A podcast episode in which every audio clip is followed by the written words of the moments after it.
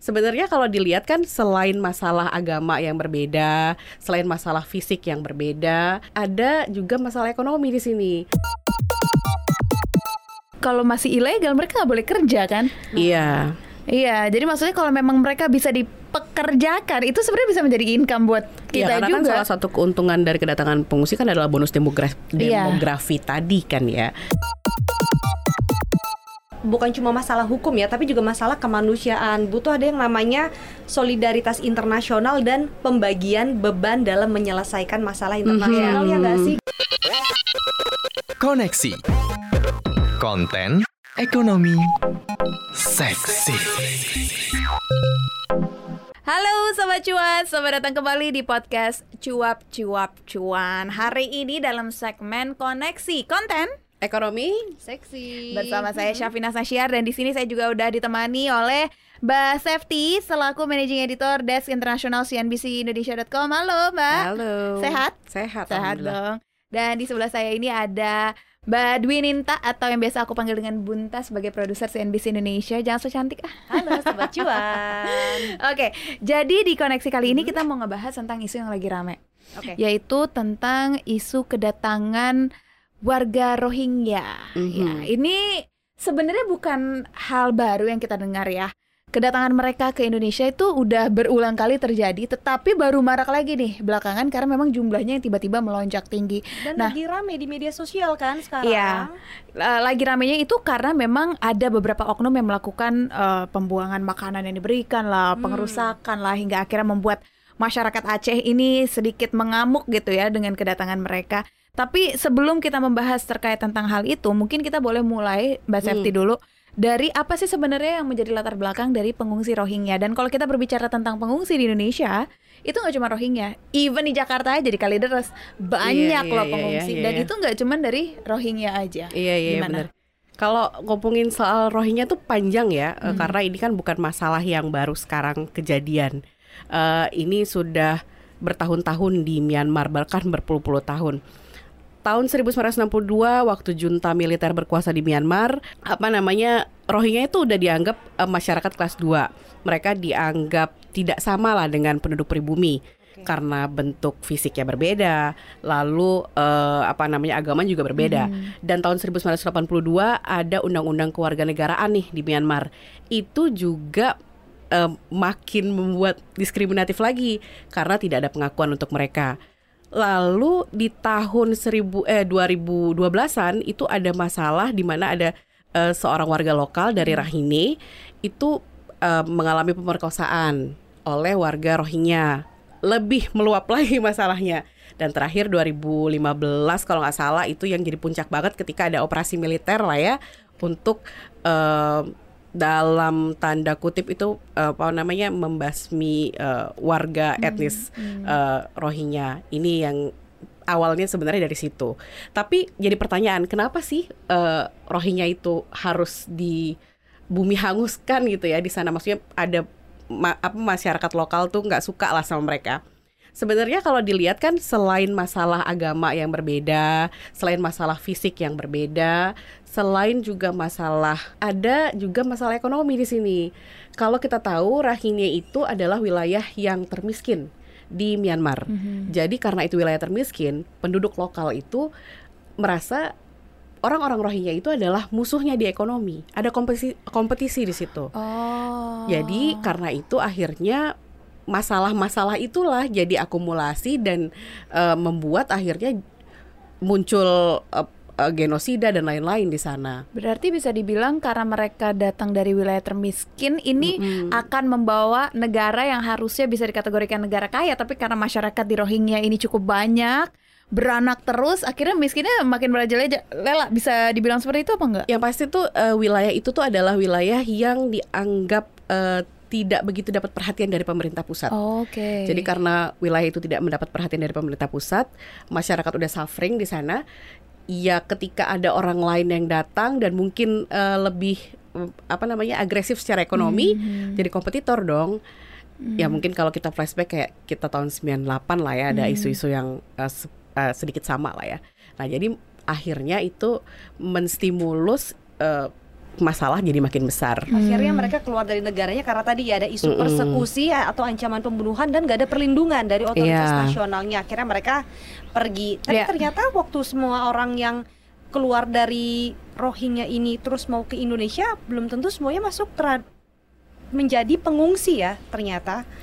Mereka Eh, belum tentu bisa dianggap sebagai pengungsi yang harus dibantu ditampung oleh eh, negara penerimanya seperti Indonesia. Itu gimana tuh Mbak sebenarnya? Iya kan kalau misalnya kita tarik lagi kan sebenarnya udah ada penampungan sih. Penampungan itu disediakan oleh uh, Bangladesh. Itu kan negara yang paling dekat dan paling mirip lah secara fisik dengan orang-orang Rohingya. Tapi kan kenapa akhirnya orang-orang itu uh, meninggalkan wilayah tersebut? Ya mungkin karena ingin mendapat penghidupan yang lebih baik. Berlayarlah ke beberapa wilayah. Sebenarnya tujuan awalnya bukan ke Indonesia, tujuan awalnya itu ke Australia. Hmm. Tapi pada saat itu kan beberapa negara eh, Asia Tenggara termasuklah Malaysia itu menerima dan juga Indonesia di tahun 2015. Sebenarnya Indonesia itu tidak punya kewajiban untuk menerima pengungsi karena negara kita itu bukan negara yang meratifikasi konvensi PBB soal pengungsi. 1951 dan 1967. Jadi sebenarnya kita tuh nggak ada kewajiban mau ditolak juga nggak masalah. Tapi balik lagi orang-orang Indonesia tuh kan eh, apa namanya? Baik ya. Iya. Nah. Jadi akhirnya kita terima dan keluarlah Pepre- Pepres tahun 2016 untuk em, mengatur mengklasifikasikan nih orang Rohingya yang bisa datang, yang bisa kita tampung siapa aja. Bahkan Indonesia tuh saking baiknya kita tuh menganggarkan eh, da- anggaran dari Kementerian Sosial dari Iya. Bencana Nasional sekit- sekitar kalau nggak salah tuh dulu tuh 3,2 m deh. Itu cuma untuk ngurusin Oke. Rohingya doang. Co- coba ya, berarti kita luruskan untuk ngurusin Rohingya aja ya. Berarti sebenarnya kan ada nih budgetnya untuk ngurusin Rohingya. Tapi kan memang sekarang budgetnya kayaknya nggak diperpanjang juga ya. Maksudnya cuman sekali keluar itu aja. Nah, apakah kasus Rohingya ini sama juga dengan eh, imigran-imigran lain begitu kan? Kenapa Rohingya yang dikhususkan gitu? Apa sebenarnya yang dilihat oleh pemerintah sampai akhirnya mau menggelontorkan uang segitu banyak? Ya sebenarnya kan eh, kalau lihat eh, kasus eh, Rohingya ini kan lebih ke kemanusiaan aja sih pemerintah ya. Kalau sebenarnya kalau eh, imigran yang lainnya saya kurang memahami pasti ya eh, apa kebijakan pemerintah soal itu. Tapi ketika Rohingya Rohingya karena itu kan juga masalah global dekat dengan Indonesia gitu kan ya. Terus jadi fokus di ASEAN, itulah yang membuat pemerintah bertindak sampai sebaik itu gitu. Tapi masalahnya adalah sekarang ketika gelombang pengungsi itu terus datang dan seolah- seolah-olah tidak berhenti. Ini yang jadi masalah. Memang ketika pengungsi datang eh, ada dua hal tuh kita bisa lihat dari segi positif, dari segi negatif. Positif mungkin kalau bisa dimanfaatkan dengan baik itu bisa menambah bonus demografi. Tapi dari segi negatifnya selain eh, masalah eh, sosial mungkin mereka tidak akur dengan warga lokal atau mungkin juga masalah eh, kekerasan bisa meningkat itu juga bisa menimbulkan dampak ekonomi. Apa? Inflasi. Karena kan ada permintaan yang banyak nih. Tapi kan penghasilan nggak ada, ada, iya. dan ini juga bisa membuat tanggungan Indonesia makin besar. Iya kan pemerintah sebenarnya harus memprio- harus memberi skala prioritas dong, ya kan? Nggak mungkin prioritas pengungsi tapi nggak warga lokalnya. Iya. Dengan kedatangan mereka aja layanan kesehatan itu juga harus dibagi antara warga lokal dan warga pengungsi Rohingya. Jadi ya ya selama mereka terus datang, terus datang, terus datang ya akhirnya kan membebani negara. Tapi sebenarnya kalau misalnya mereka waktu diverifikasi sama Dirjen Imigrasi sebagai pengungsi, iya mereka sebagai pengungsi. Tapi kalau ternyata orang-orang ini yang datang tapi belum Ile- dari belum legal. verifikasi dari ha, legal dari Dirjen Imigrasi ini bisa disebut imigran gelap ya sebenarnya. Iya kalau misalnya berdasarkan Pepres yang diterbitkan tahun 2016 itu, iya mereka bisa diklasifikasikan sebagai imigran gelap. Kenapa? Karena kan di Pepres itu ada yang ga- digarisbawahi kalau pengungsi itu harus punya eh, verifikasi dari UNHCR. Sementara yang datang-datang ini kan ya Presiden Jokowi saja kan bilang ini TPPO ya tindak pidana perdagangan orang ya. Nah, Ada juga yang ditangkap. Ingat kalau lihat eh, kalau kita baca lagi kasusnya bagaimana eh, ada pengakuan kalau warga Rohingya itu datang ke Indonesia tuh harus bayar, Oh, ini anak-anak harus bayar 7 juta, sementara orang dewasa kalau dikursin rupiah ya, orang dewasa harus bayar 14 juta. Kan memang berarti kan ada yang tidak benar di sini gitu kan Oke, ya. berarti bisa dibilang yang datang dan kumpul saat ini tuh emang mostly adalah imigran gelap. Hmm. Makanya nggak heran kalau respon dari masyarakat tuh sedikit barbar atau sedikit tidak terima karena memang mereka imigran gelap. Tapi kalau imigran itu legal, kita harus dengan lapang dada menerima. Bisa dibilang kayak gitu nggak sih? Sebenarnya itu tergantung ya. Sebenarnya sih kalau menurut saya ya eh, kan mengapa masyarakat akhirnya tidak menerima kan karena ada beberapa perilaku oknum-oknum yang tidak baik ya, seperti pemerkosaan warga lokal, Iya, iya, itu kan iya. juga pernah kita dengar. Lalu eh, apa namanya beberapa sikap-sikap yang misalnya menolak makanan atau mati lampu aja jadi soal, Iya, iya, apa iya. building dihancurin seperti itu. Tapi kan eh, kalau memang segala sesuatunya sesuai dengan aturan ya mungkin saja bisa diterima. Oke, nah karena sekarang udah berbondong-bondong nih Kak Inta, Kak Safety, udah datangnya terlalu banyak. Kira-kira apa lagi yang bisa dilakukan oleh pemerintah nih untuk bisa mengantisipasi kedatangan yang lebih masif berikutnya? Atau mungkin membuka peluang negara lain yang ada case kayak gini juga ya masyarakat-masyarakat Rohingya untuk juga bisa datang ke Indonesia? Karena takutnya kita dilihat terlalu baik. Bahkan kekhawatiran masyarakat tuh sampai takutnya nanti negara kita ditempatin sama negara lain gitu kan. Ada kekhawatiran kayak gitu juga lah. Gimana nih Ya kalau nyelesain masalah Rohingya sih mungkin dari hulu ke hilir ya. Kita nggak bisa stand as Indonesia sendiri gitu ya. Apa namanya harus eh, hulunya misalnya dari mana? Dari Myanmar. Myanmar itu harus punya solusi dong. Masa eh, buat masalah tapi nggak punya solusinya gitu kan ya. Terus eh, dari eh, Bangladeshnya juga. Ya kita tahu Bangladesh itu kekurangan dana sebenarnya kan ya Eh, me- mereka bahkan pernah menggalang dana untuk em, dengan UNH UNHCR untuk membiayai Rohingya kalau nggak salah tuh mereka but- mereka pernah bilang tuh butuh dana sekitar 12 triliunan lah dalam rupiah gitu.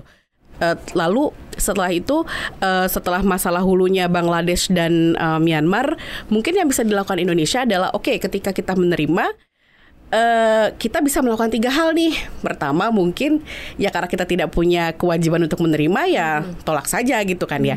Atau pemerintah menyiapkan eh, satu tempat untuk penampungan sementara. Itu juga bisa. Dan biar mereka disiapkan menuju ke negara tujuan mereka sebenarnya. Atau ya menerima. Tapi ya balik lagi. Sebenarnya di sini nih yang pengen saya titik beratkan adalah UNHCR UNHCR itu kalau dari pemberitaan yang kita lihat kan seolah-olah ngasih ke Indonesia aja gitu loh. Indonesia ya pokoknya Indonesia harus tampung. Tapi kan kayak nggak merhati nggak nggak memikirkan oh kalau Indonesia ini tuh sebenarnya middle income country loh. Ini bukan negara kaya yang uang tuh bisa turun dengan Iya, banyak iya. sekali gitu kan ya. Jadi ya eh, menurut saya ya UNHCR juga harus ditekan.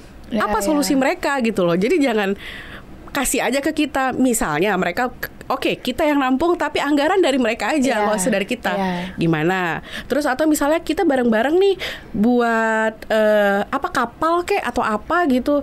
Terus misalnya eh, hubungan ke negara-negara kaya yang memang jadi tujuan mereka kayak Australia Dijalin lebih baik dijalin lagi. lebih baik biar bisa dibuka. Lah kalau kayak gini nampung ke Indonesia untuk sementara tapi karena Australia buka-buka atau Selandia baru nggak mau terima ya akhirnya kita lagi kita lagi. Ya dan bukan sementara loh, ada yang case-nya di sini 10 tahun sampai akhirnya bisa beranak, berkeluarga di sini, akhirnya anaknya jadi WNI, mau nggak mau. Mm-mm, karena, akhirnya. karena lahir di sini ya. Iya, itu. Lagi-lagi emang PBB tuh diminta bisa menunjukkan ininya lah ya Taringnya. Hmm, bener. Jangan kalau misalnya pas lagi adem-adem aja suaranya keras. Tapi kalau misalnya ada masa-masa krisis Nggak keluar taring lebih ke Iya. garing ya kayaknya ya. Karena tuh kalau misalnya ya. kita lihat dari datanya juga negara yang menerima pengungsi paling banyak itu memang ternyata negara low income sama middle income, Iya. bukan negara-negara kaya. Kalau dari tiga terbesar itu kalau nggak salah tuh salah satunya tuh ada Turki, ada Pakistan. Sementara Inggris sama Amerika aja itu dari tahun 2011 cuma terima tuh sekitar Inggris tuh 8 ribu nggak salah. Kalau Amerika tuh sekitar 12 ribu. Jadi bisa kita bayangin Iya, dong. iya, iya. Mereka aja terimanya dikit-dikit. Sementara kita yang negara middle income countries ini harus terima banyak dan harus menganggarkan 3,2 m setiap tahun dengan mengacu pada Perpres 2016. Ya gimana dong ya Berarti Tuhan. ini, eh, bukan cuma masalah hukum ya, tapi juga masalah kemanusiaan. Butuh ada yang namanya solidaritas internasional dan pembagian beban dalam menyelesaikan masalah internasional ya nggak sih? Kalau misalnya ternyata orang yang lebih mampu, tapi malah mendapatkan tugas yang lebih rendah, lebih ringan, pada akhirnya kan kasihan yang lainnya ya. Iya, Nggak- tapi- bebannya nggak imbang gitu. Iya, tapi aku paham maksudnya Kak Safety. Ini yang harus dibenerin jembatannya SN si UNHCR. Karena UNHCR bukan problem di negara kita aja kan, makanya suka di demo tapi di beberapa negara di middle income yang menerima para pengungsi ini juga menjadi problem. Jadi jembatan UNHCR ini nih Benar-benar. yang harus dibenerin ya. Baru akhirnya negara-negara ini bisa membuka pintunya lebih besar lagi, nggak terlalu banyak eh, nampung di kita. Jadi gimana nih Kak Safety untuk mengakhiri diskusi kita apa yang bisa disampaikan kepada sobat cuan ketika mungkin ada sobat cuan yang di Aceh juga menanggapi ini apa yang bisa dia bantu sosialisasikan juga kepada teman-temannya untuk menanggapi Rohingya ini Pada akhirnya negara harus tegas ya. Itu yang dilakukan Malaysia. Di Malaysia itu Rohingya itu bisa dibilang eh, memberi kontribusi terhadap ekonomi di sektor non formal di Malaysia.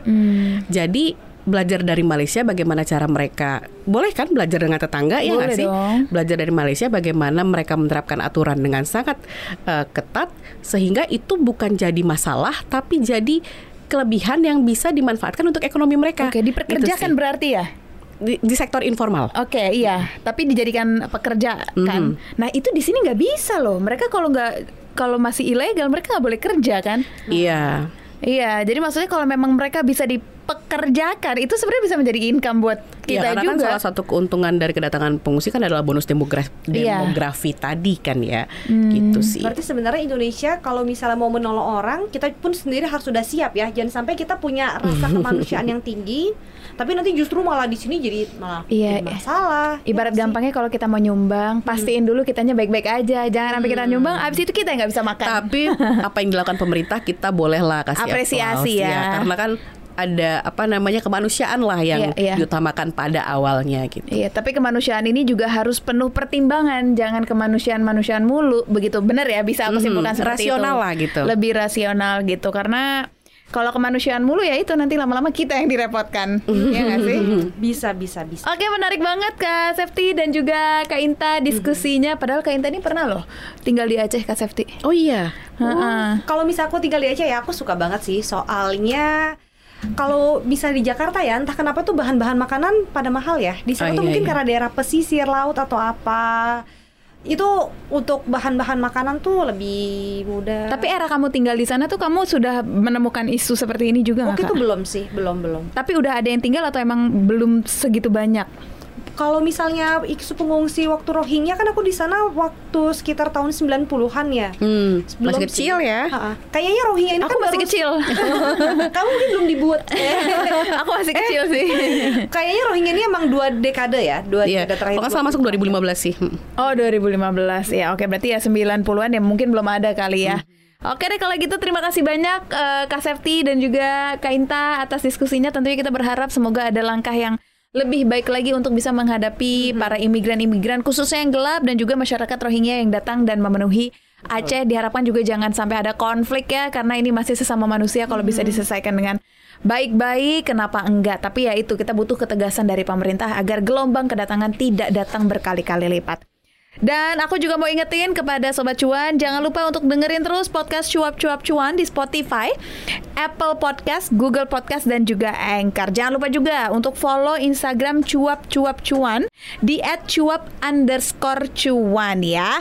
Dan podcast hari ini juga akan tayang di tiga platform sekaligus, yaitu di CNBC TV, di Spotify, dan juga di Youtube. Kalau gitu saya Syafina Sasyar pamit. Saya Safety. Dan Inta juga pamit. Cuap-cuap cuan kembali lagi di lain waktu. Sampai jumpa. Bye bye.